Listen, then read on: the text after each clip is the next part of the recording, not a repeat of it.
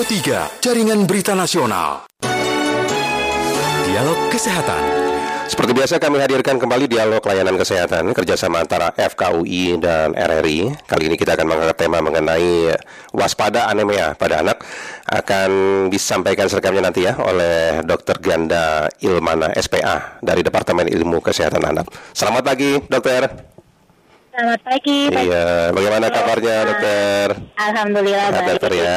Dokter nanti pendengar juga bisa bertanya ya, dokter ya. Anda juga nanti bisa bertanya pendengar silakan di 021 352 3172 atau di 021 386 2375 atau di 021 384 4545. Nah, dokter, ini kenapa anemia ini harus diwaspadai jika terjadi pada anak-anak? Oke, terima kasih Pak. Jadi gini, anemia itu mungkin eh, buat para pendengar nih yang mungkin belum tahu ya. Kadang-kadang orang menganggap anemia itu eh, darah rendah. Nah, Iya. sebetulnya kurang tepat. Sebetulnya kalau anemia itu artinya eh, kurang sel darah merah gitu. Jadi kadar eh, HB atau hemoglobin yang rendah sesuai dengan eh, usianya. Nah, Kenapa eh, anemia ini harus diwaspadai, terutama pada anak? Karena kita tahu sel darah merah itu berfungsi untuk membawa oksigen dan juga eh, nutrisi gitu ya Pak ya untuk Iya. seluruh tubuh gitu, mulai dari kepala sampai ke kaki. Bisa dibayangkan kalau sel darah merah nih yang mengangkut oksigen itu kurang, namanya sel itu pasti akan kelaparan lah istilahnya. Nah, kalau itu terjadi dalam jangka waktu lama akan membahayakan.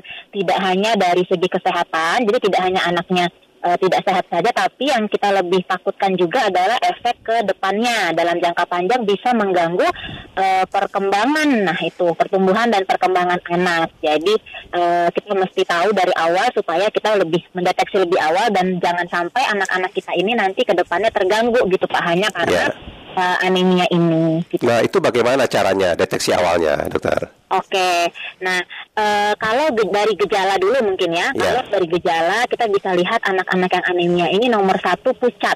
Jadi pucat kita bisa lihat di kelopak matanya ya, di kelopak mata dalam itu harusnya kan warnanya pink merah gitu ya. Ya. Nah, ini bisa pucat. Kemudian telapak tangan, telapak kaki itu mudah dilihat warnanya di- bisa dibandingkan aja sama tangan kita gitu, biasanya lebih pucat. Jadi eh, itu yang nomor satu. Nomor dua bisa juga eh, mungkin belum terlalu kelihatan pucat, tapi anaknya seperti mudah lemas, ya, mudah lelah, gampang sakit, jadi kurang fit gitu.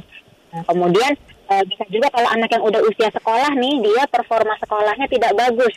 Jadi sering ngantukan di kelas, kurang konsentrasi, gurunya nanya apa dia nggak nyambung, kurang, kurang lebih seperti itu. Kemudian bisa juga eh, nafsu makan yang turun. Kalau Ya. anak yang lebih kecil itu kurang nafsu makan, dan kalau yang sudah berjalan dalam jangka waktu panjang, dia bisa terlambat perkembangannya, terus anaknya anaknya juga kecil gitu, pendek ya, kemudian kurang cerdas gitu Ya. dari gejala. Tapi untuk kalau kita sudah mencurigai ini dari ada gejala, kita harus membuktikan dengan pemeriksaan darah. Nah, nanti baru ketahuan di situ. Kadar HB-nya dicek begitu ya, HB-nya, dokter ya? Betul, kadar HB-nya dicek, nanti HB-nya rendah, ada standarnya sesuai usianya. Kalau di bawah itu, oh berarti betul anemia. Iya. Namun, eh, sedikit tambahan Pak, memang anemia ini adalah eh, awalan ya. Jadi ha- jadi bukan sakitnya itu anemia saja, tidak.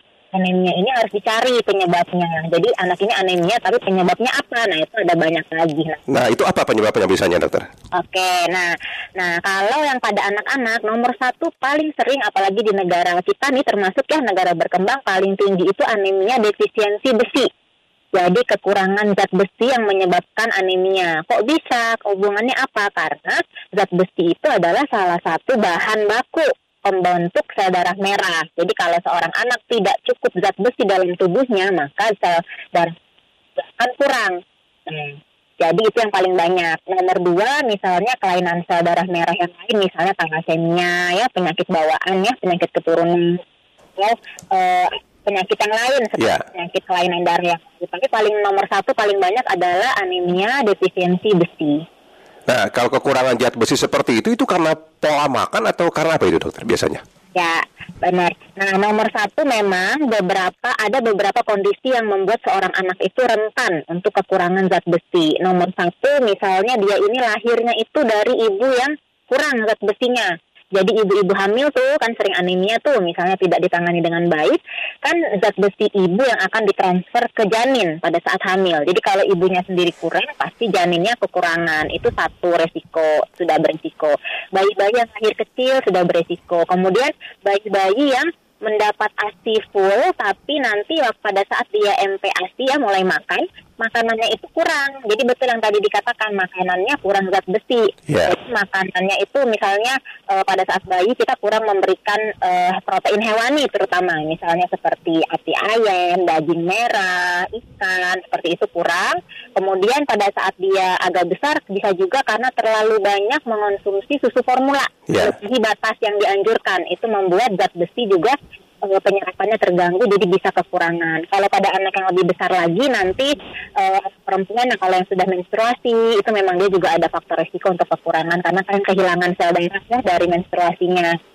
Laki-laki yang sedang pubertas tumbuhnya cepat dia juga butuh lebih banyak. Gitu. Yeah. Nah, pada fase-fase itu adalah fase-fase yang rentan seorang anak atau remaja bisa kekurangan zat besi. Hmm, baik. Nah dokter jangan diputus kita beri dengan info singkat dulu sebentar saja dokter ya. Baik. Kilas Berita. Kilas Berita. Menteri Dalam Negeri Tito Karnavian meminta para kepala daerah merenovasi anjungan daerahnya masing-masing di Taman Mini Indonesia Indah Jakarta. Dan pesan tersebut disampaikan Mendagri saat meninjau area revitalisasi TMI bersama dengan Sekretaris Negara, rombongan dari Kementerian Pekerjaan Umum dan Perumahan Rakyat. Mendagri juga menyebutkan ada 19 anjungan dengan kerusakan ringan tapi struktur bangunannya masih bagus, ada pula anjungan yang mengalami kerusakan sedang. Selain itu, ada juga provinsi yang belum memiliki anjungan di TMI seperti Kalimantan Utara atau Kaltara. Untuk informasi lengkap pendengar bisa Anda akses di rri.co.id.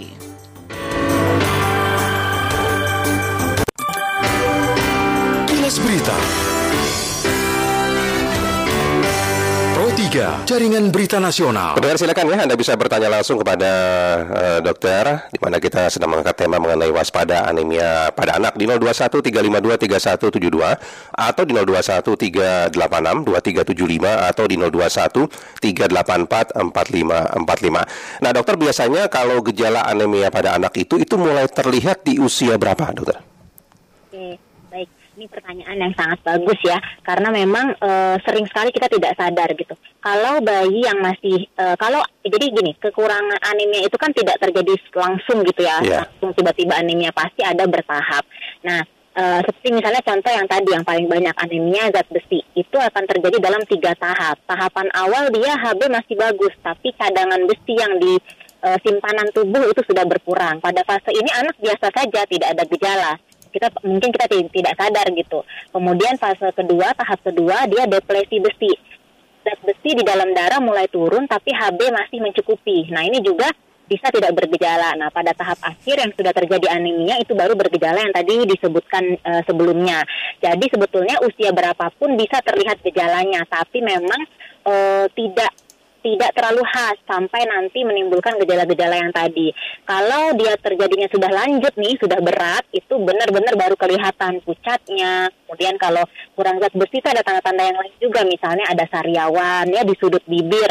Kemudian anaknya kan nggak nafsu makan. Iya. Dia mau makan makanan-makanan yang aneh, yang ber, e, bertekstur aneh seperti es batu, makanin karpet, makanin tembok, seperti itu. Kalau yang sudah benar-benar fase lanjut. Kemudian eh, lidahnya itu kalau kita kan normal lidah ini banyak eh, kasar ya. Iya. Eh, papil-papil lidahnya itu kalau kita lihat lidah kita kasar untuk merasakan makanan. Nah, kalau anak yang kurang zat besi itu dia gundul. Jadi namanya atrofi papil lidahnya. Jadi seperti mulus gitu. Mulus aja. Eh, itu salah satu tanda yang bisa kita dapatkan juga. Tapi eh, intinya sih bisa terjadi di usia berapapun bisa kita dapatkan. Hanya saja kadang-kadang tidak khas. Makanya kalau ada curiga anak kok naik berat badan, misalnya anak masih bayi banget nih, Iya. eh, eh, masih aktif sebetulnya anaknya tapi kok berat badannya nggak kemudian kok kayak agak pucat nah itu kita curiga atau anak-anak yang di sekolah ada gangguan prestasi bahkan gangguan perilaku seperti mudah tantrum ya tidak bisa kooperatif itu juga kita mesti waspada. Karena anemia terutama pada anak yang usia sekolah itu sangat tinggi sampai di atas 40 persen. Ya. ya karena kan mungkin makan ya makan tidak dijaga gitu udah udah jajan dan segala macam Jadi dampaknya bisa ke mana-mana ya dokter ya anemia pada anak itu Betul. begitu ya? Betul, dampaknya yang kita paling takutkan sebetulnya terkait dengan ya mungkin terkait dengan eh, masa depan bangsa ya, Ya. saya bilang karena memang zat besi dan terutama sel darah merah itu akan sangat mempengaruhi kognitif atau kecerdasan gitu. Jadi banyak penelitian-penelitian sudah menunjukkan kalau anak kurang zat besi itu kurang cerdas. Dan yang kita takutkan kalau nanti dia sudah melewati fase emasnya, artinya 2-3 tahun pertama kan perkembangan otak optimal nih Ya. kelewat meskipun kita perbaiki kadar zat besinya nih tapi kalau udah kelewat itu maka perbaikannya tidak akan eh, tinggi gitu tidak akan terlalu baik tidak akan bisa kembali seperti harusnya dia bisa optimal mencapai kecerdasan dia gitu. Ya. Nah itu eh, kalau di masa depan anak-anak Indonesia semuanya kurang zat besi kan gimana ya? Kita mau bersaing dengan negara lain tuh kita ya sangat sulit gitu. Ya. Itu akan mudah sakit. Jadi eh, daya saingnya akan rendah gitu. Jadi memang itu sebetulnya bahaya yang paling kita takutkan. Kalau masalah makan dan lain-lain itu bisa kembali kalau zat besinya sudah di sudah diperbaiki masalah misalnya dia eh, sakit-sakitan itu bisa kembali fit tapi kalau otak itu tidak bisa kembali karena ada masa mengejar Ya, tapi bagaimana ya caranya dokter ya kalau kita memang sudah menemukan ya anak kita ternyata menderita anemia, apa yang harus kita lakukan? Nah, baik. Jadi kalau pertama nih udah ada gejala, kemudian diperiksa darah, ternyata betul HB-nya rendah. Jadi kalau di bawah lima tahun itu batas HB itu 11. Misalkan ada umur 3 tahun HB-nya 9. Nah, jangan langsung eh, mendiagnosis diri sebagai kurang zat besi lalu kemudian beli zat besi sendiri jangan. Karena anemia ini kan tadi ada banyak penyebabnya. Konsulkan dahulu ke dokter, nanti dokter akan menilai anemia anak ini ke arah mana. Jika memang betul ke arah karena kekurangan zat besi, maka akan diberikan terapi zat besi. Terapi zat besi ini eh, tidak sulit, dia dalam bentuk eh, suplemen ya seperti obat minum yang diminum setiap hari paling tidak tiga bulan berturut ya paling tidak tiga bulan. Kemudian akan dicek kembali kadar HB-nya dan zat besinya juga. Kalau sudah cukup maka nanti kita tinggal melanjutkan eh, maintain saja. Suplemen harian tiga kali seminggu misalnya atau dari makanan itu bisa. Nah, kalau misalnya anemianya karena penyebab yang lain, maka harus ditangani sesuai penyebab masing-masing. Ada yang harus membutuhkan transfusi darah misalnya, harus mendapatkan obat-obatan tertentu, begitu Pak. Oh, itu sampai kepada harus transfusi darah begitu dokter ya? Betul. Penanganannya Kalau begitu? Misalnya, ya kalau misalnya kekurangan HB atau eh, anemianya itu sangat berat, misalkan sampai di bawah 7, anaknya sampai eh, jantungnya berdebar ya karena eh, jantung harus memompa darahnya bisa dipompa cuma sedikit tapi yang minta banyak artinya harus cepat nih pompanya ya kan supaya Ya. naik lagi pompa lagi nah itu jantung bisa menjadi lemah pada kondisi itu ada kondisi eh, anak beresiko dia sampai mengalami gangguan gitu dalam tubuhnya untuk untuk eh, untuk menjalankan fungsi tubuh Ya. itu harus dibantu dengan transfusi. Baik, dokter ada Ibu Iwi di Cilacap kita temui dulu ya. Bu Iwi, selamat siang Ibu. Halo Om Ya, Willy. silakan, Bu. Itu malah malah eh, internetnya sen masuk. Silakan Ibu. Ini saya boleh tanya sama Bu Dokter. Iya, silakan. Cucu, ya cucu saya yang gendut itu, kok kukunya pada hitam-hitam kenapa ya Bu Dokter? Umur berapa tahun Ibu? Eh, yang kemarin ke Pro 3, eh, berapa ya? Udah kelas 9. Oh, kelas 9 ya. Oke. Ah, tapi kegemukan memang kemarin saya pernah tanya dokter katanya masalah makan katanya. Iya. Gitu, apa Baik. benar gitu. Terima Baik, kasih terima ya, kasih Om Bu. Wiwi ya. Selamat siang Bu Wiwi ya. Anaknya, cucunya kegemukan dan kukunya hitam-hitam. Itu kenapa, dokter? ya baik terima kasih Bu pertanyaannya. Jadi eh, kukunya hitam-hitam itu apakah kita harus lihat dulu ya eh, semua kuku atau hanya kuku-kuku tertentu saja. Kemudian hitam itu maksudnya semua nih. Jadi satu dari dari mulai pangkal kuku sampai ke ujung itu warnanya kehitaman atau ada garis-garis seperti hitam atau hanya di ujung saja karena itu akan berbeda ya. Jadi kalau menurut saya kalau memang ini sudah berlangsung lama kemudian dia di seluruh kuku sebaiknya dicek dulu ke dokter supaya lebih jelas. Bisa apa aja sih kemungkinannya misalnya infeksi jamur di kuku itu bisa kukunya seperti hitam-hitam biasanya Ya. tapi seperti kayak mau lepas-lepas gitu kayak terkikis-terkikis itu bisa jamur. Kemudian bisa juga eh, hitam itu mungkin bukan di kukunya tapi di pembuluh darah di bawahnya. Nah, misalnya yang seperti eh, kulit eh, kayak kebiruan gitu. Takutnya seperti itu juga biru kehitaman disangka seperti hitam. Jadi eh, menurut saya masih ada banyak kemungkinan nih untuk kondisi kuku. Tapi memang kondisi kuku itu bisa menggambarkan kondisi kesehatan tubuh. Apalagi anaknya ada isu misalnya tadi disebutkan kegemukan. Ya. Eh, bisa juga nih kelainan kuku itu menandakan kekurangan mineral atau eh, apa namanya vitamin tertentu Ya. gitu. Seperti kekurangan zinc itu ada gambaran khas di kukunya. Kekurangan zat besi juga ada, tapi kalau zat besi itu dia kukunya bukan hitam, tapi dia menjadi eh, seperti sendok, jadi cekung ke dalam. Ya. Jadi kukunya itu tidak, kalau kita kan cembung ya normalnya kuku. Nah ini dia kebalikannya jadi seperti sendok, itu khas pada yang kurang zat besi. Jadi Hmm. menurut saya mungkin perlu diperiksakan dulu ya si gendis ke dokter anak ya Bu, biar lebih jelas untuk kukunya. Iya. Nah mungkin sekali lagi sebagai penutup dokter bisa menyampaikan lagi saran kepada para pendengar apabila anaknya ternyata memang ditemukan gejala anemia apa yang harus dilakukan segera.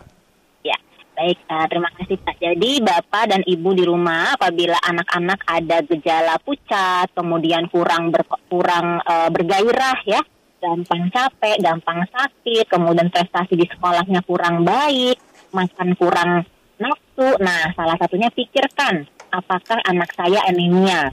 Kalau belum jelas tanda-tandanya, konsulkan ke dokter ya, boleh ke dokter di posyandu dulu atau ke puskesmas dulu. Apakah anak saya ada gejala anemia gitu. Nanti dokter akan mengarahkan ke pemeriksaan darah dan nanti dilihat dari darahnya. Tidak perlu takut karena semakin dini kita mengetahui anak kita anemia, semakin nanti baik hasil terapinya. Anemia bisa diobatin dan yang terpenting adalah bisa dicegah. Jadi jangan lupa eh, memberikan eh, makanan yang kaya zat besi sedari dini dan juga eh, menjaga kesehatan anaknya dan memantau pertumbuhannya. Baik dokter. Dokter terima kasih banyak sudah bersama kami. Baik, sama-sama Bapak. Selamat pagi dokter. Selamat pagi. Ya demikian tadi pendengar ya narasumber kami yang sudah menyampaikan mengenai layanan kesehatan kerjasama FKUI dengan RRI mengenai waspada anemia pada anak. Dr. Ganda Ilmana SPA dari Departemen Ilmu Kesehatan Anak.